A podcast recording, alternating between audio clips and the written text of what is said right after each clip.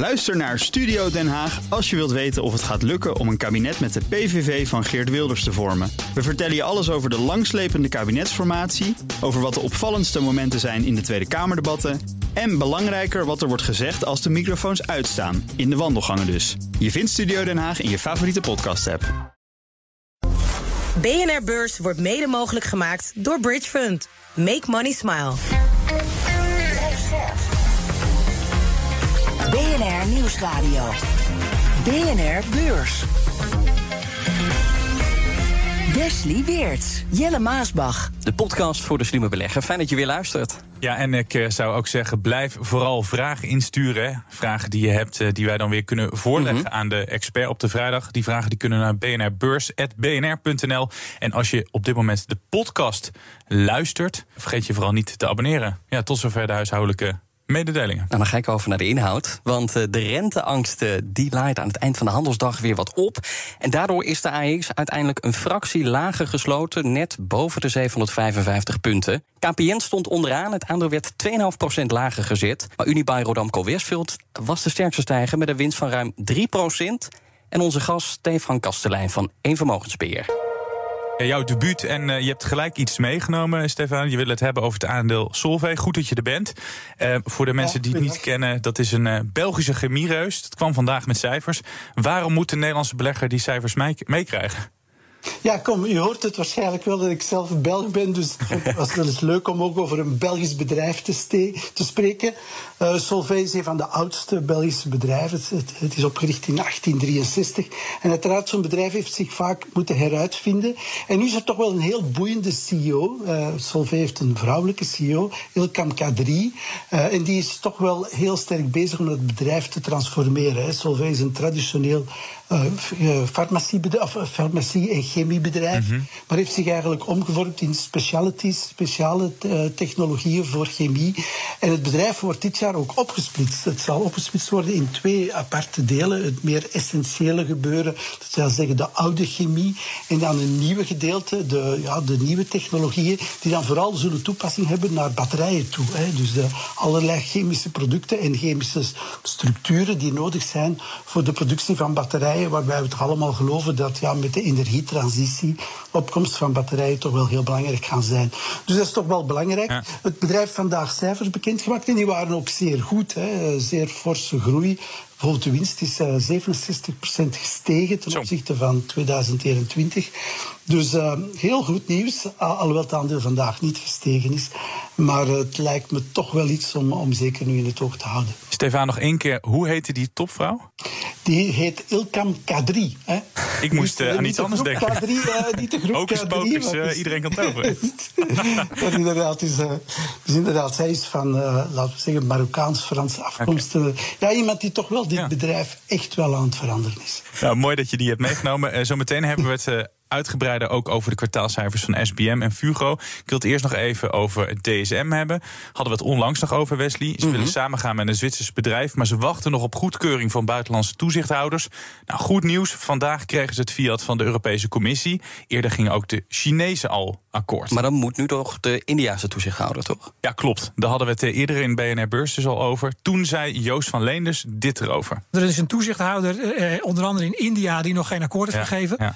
En dat komt omdat ze op zoek zijn naar een nieuwe voorzitter. Nou, dat heeft dus helemaal niks met deze casus te Ah. maken. Ja, ze wachten al een jaar, dus hopelijk eh, voor hun is de fusie snel rond. Nou, net als gisteren heb ik nieuws eh, uit China meegebracht. Alibaba die kwam met eh, beter dan verwachte cijfers. De winst die steeg het afgelopen kwartaal met maar liefst 69 procent. En dat komt ja, vooral door allerlei besparingen die ze hebben doorgevoerd. Maar ook de omzet die was boven verwachting. En dat terwijl het bedrijf toch ja, een groot deel van het kwartaal, het afgelopen kwartaal, dus het laatste kwartaal van vorig jaar, last had van die strenge lockdowns eh, in China. Want die zorgden er ja, weliswaar voor dat mensen misschien per se online moesten kopen. Maar ook dat ze minder uitgaven. Die hele Chinese economie die had er natuurlijk onder te lijden.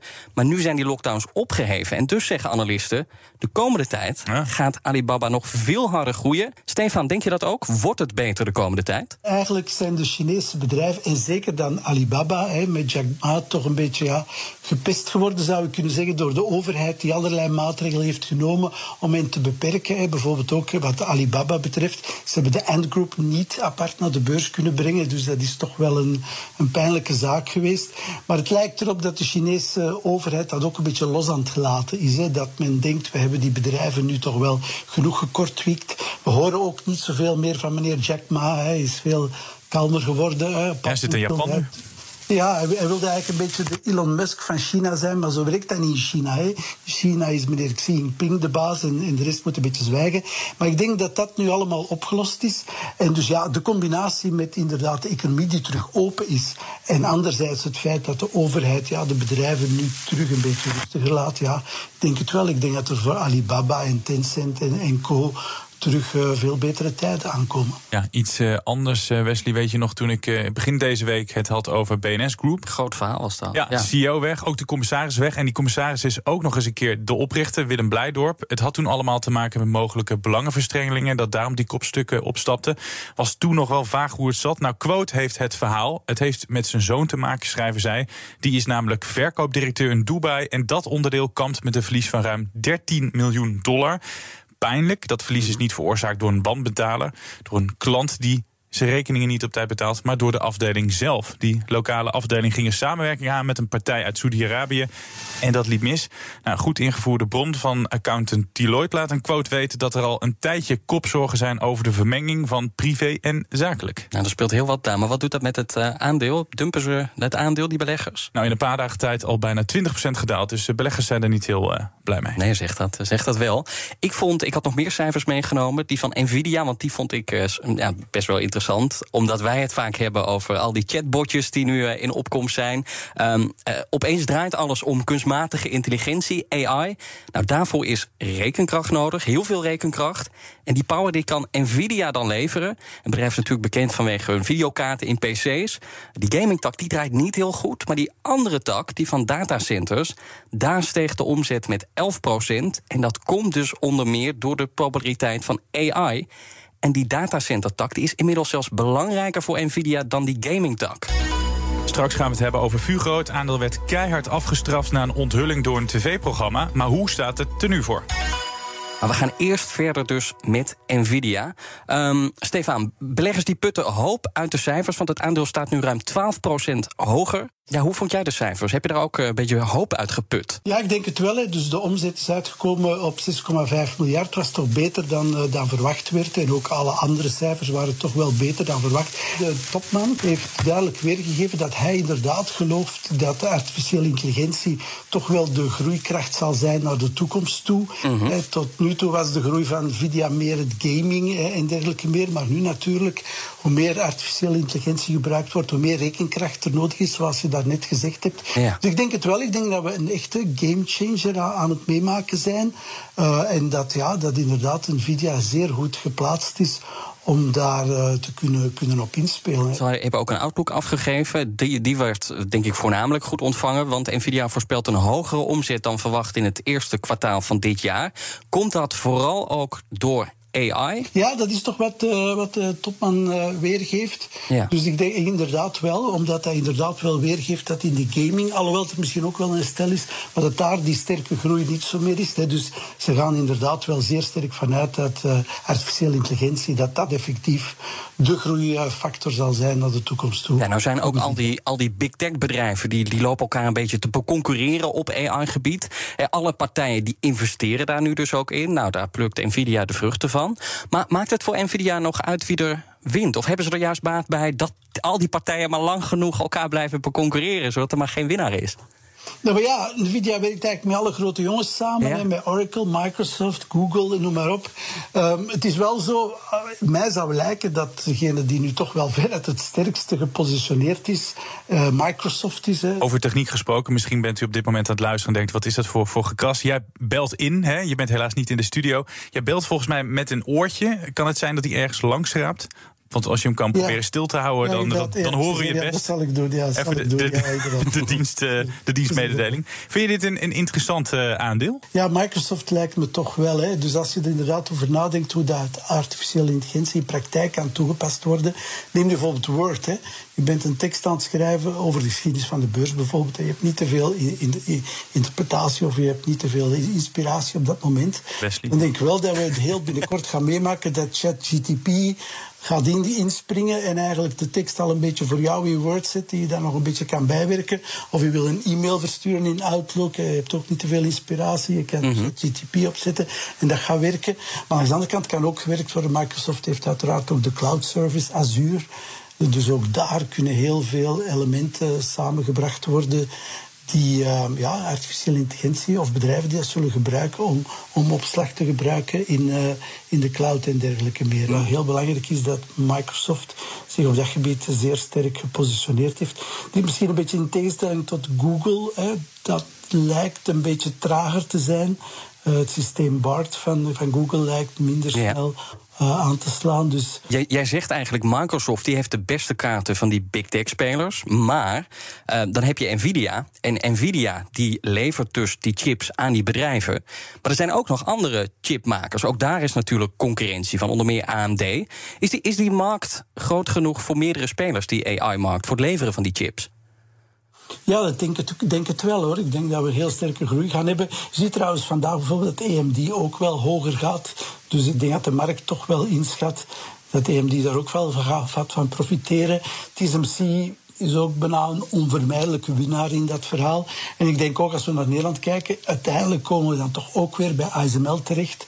Die machines van, ja, moeten dan toch ook weer gemaakt worden. Ja. Dus ik denk dat, ja, in mijn ogen, dat een hele keten van eh, chipproducenten opnieuw gaan profiteren van deze ja, nieuwe, nieuwe upgrading cycle die eigenlijk gaat bezig zijn. Nou, Stefan, jij bent dus best wel enthousiast. Ehm, beleggers overigens ook, want sinds begin dit jaar staat het aandeel Nvidia ruim 60% hoger. Nou, als er echt een AI-doorbraak komt, dan kan het niet anders. Of die koers die schiet nog veel verder omhoog.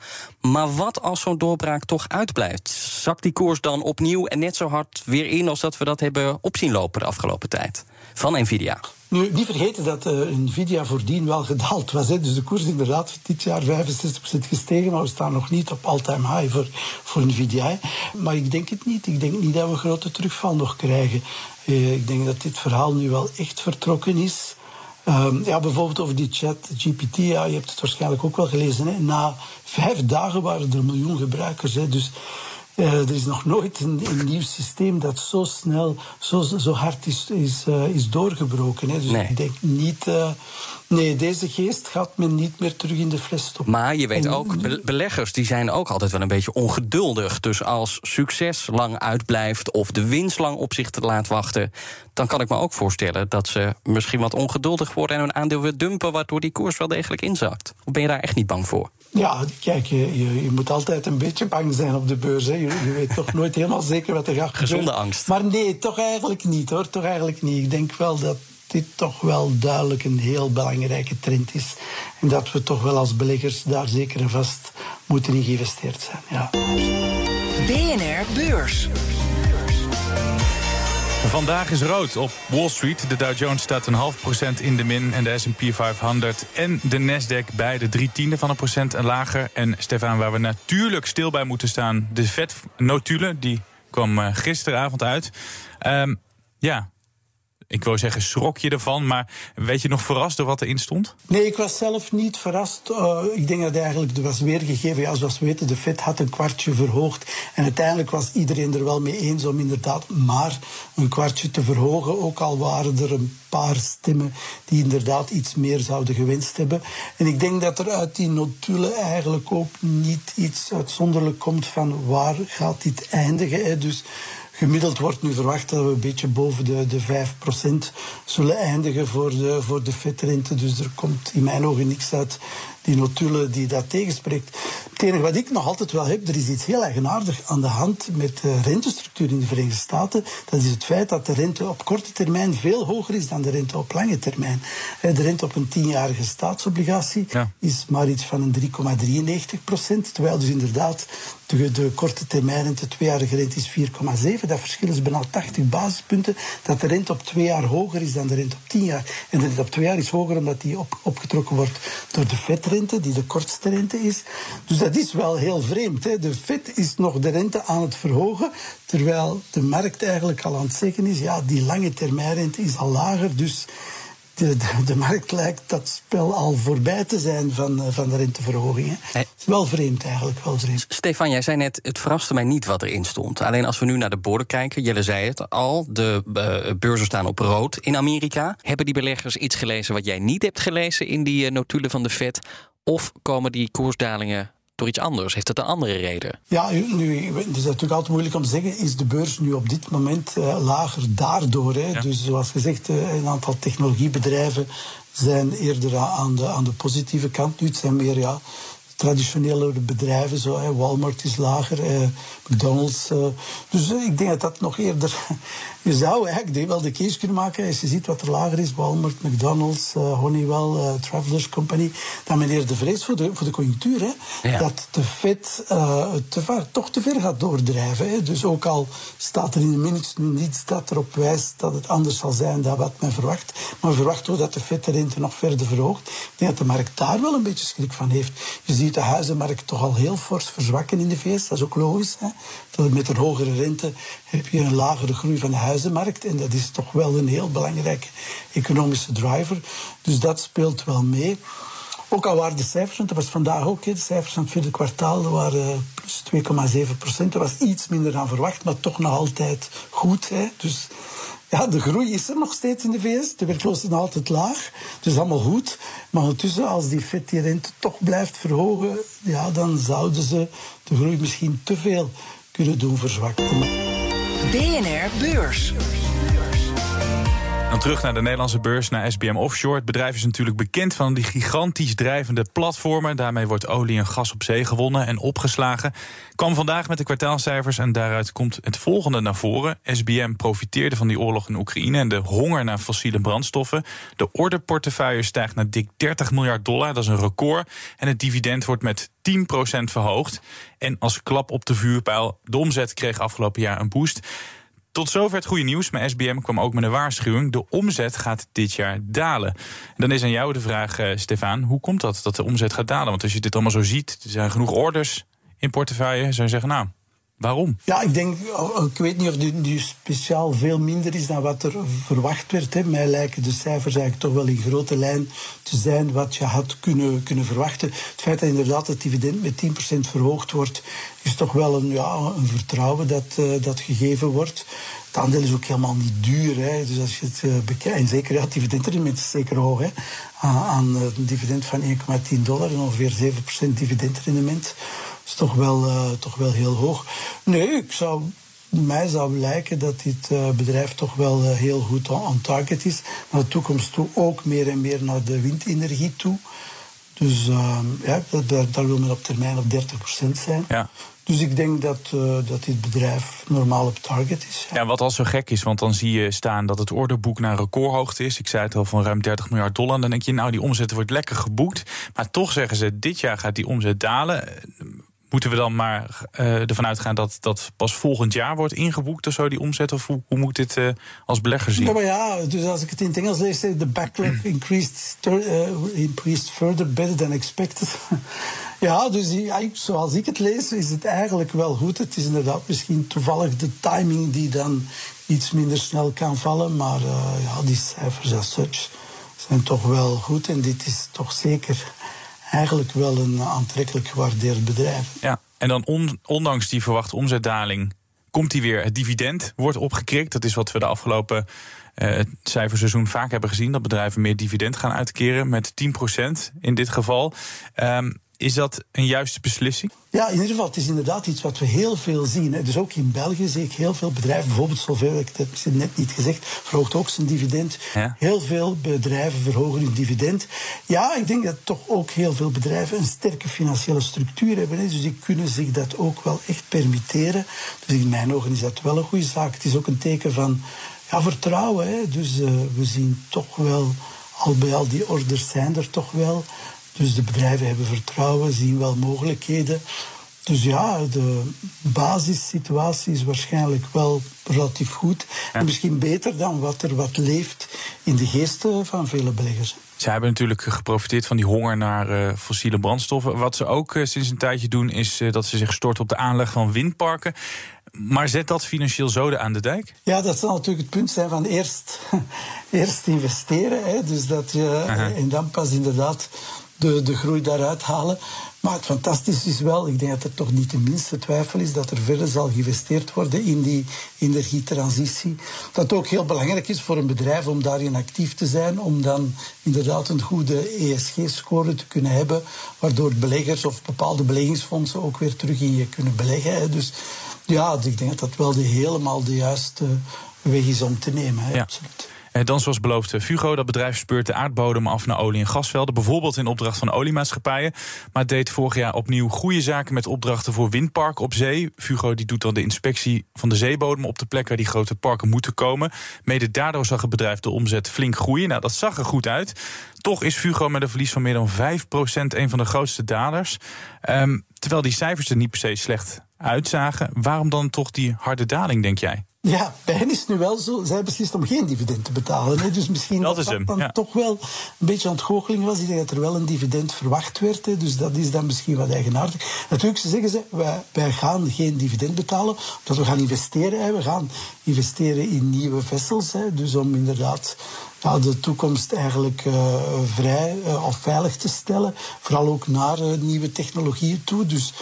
Dus ja, inderdaad. Ik heb net gezegd, het is een teken van vertrouwen dat de bedrijven dividend uitbetaalt. Het feit dat ze het nu niet doen, zou je kunnen zeggen, het is een teken toch misschien van wat minder vertrouwen. Ook al kun je ook wel in het verhaal komen dat ze dat geld gaan investeren in de toekomst. Maar ik denk dat dat wel is dat toch een aantal beleggers wel ontgoocheld zijn dat dividenden niet zijn. Misschien toch wat twijfelen of die groei naar de toekomst er dan inderdaad wel zal zijn. Ja. Maar ook hier wel hetzelfde. Fugro is zeker geen uh, overdreven duur bedrijf. Daarover gesproken, even nog heel kort. Fugro was een van de hoogvliegers op het Damrak in 2022... met een koerswinst van meer dan 60% Maar toen was er een uitzending van een onderzoeksprogramma, Pointer... En uh, daarbij was te zien dat Fugro betrokken was bij een grote dambreuk in Brazilië in 2019. En daarop kelderde het aandeel in één dag met ruim 20 procent. Gingen ze heel erg naar beneden.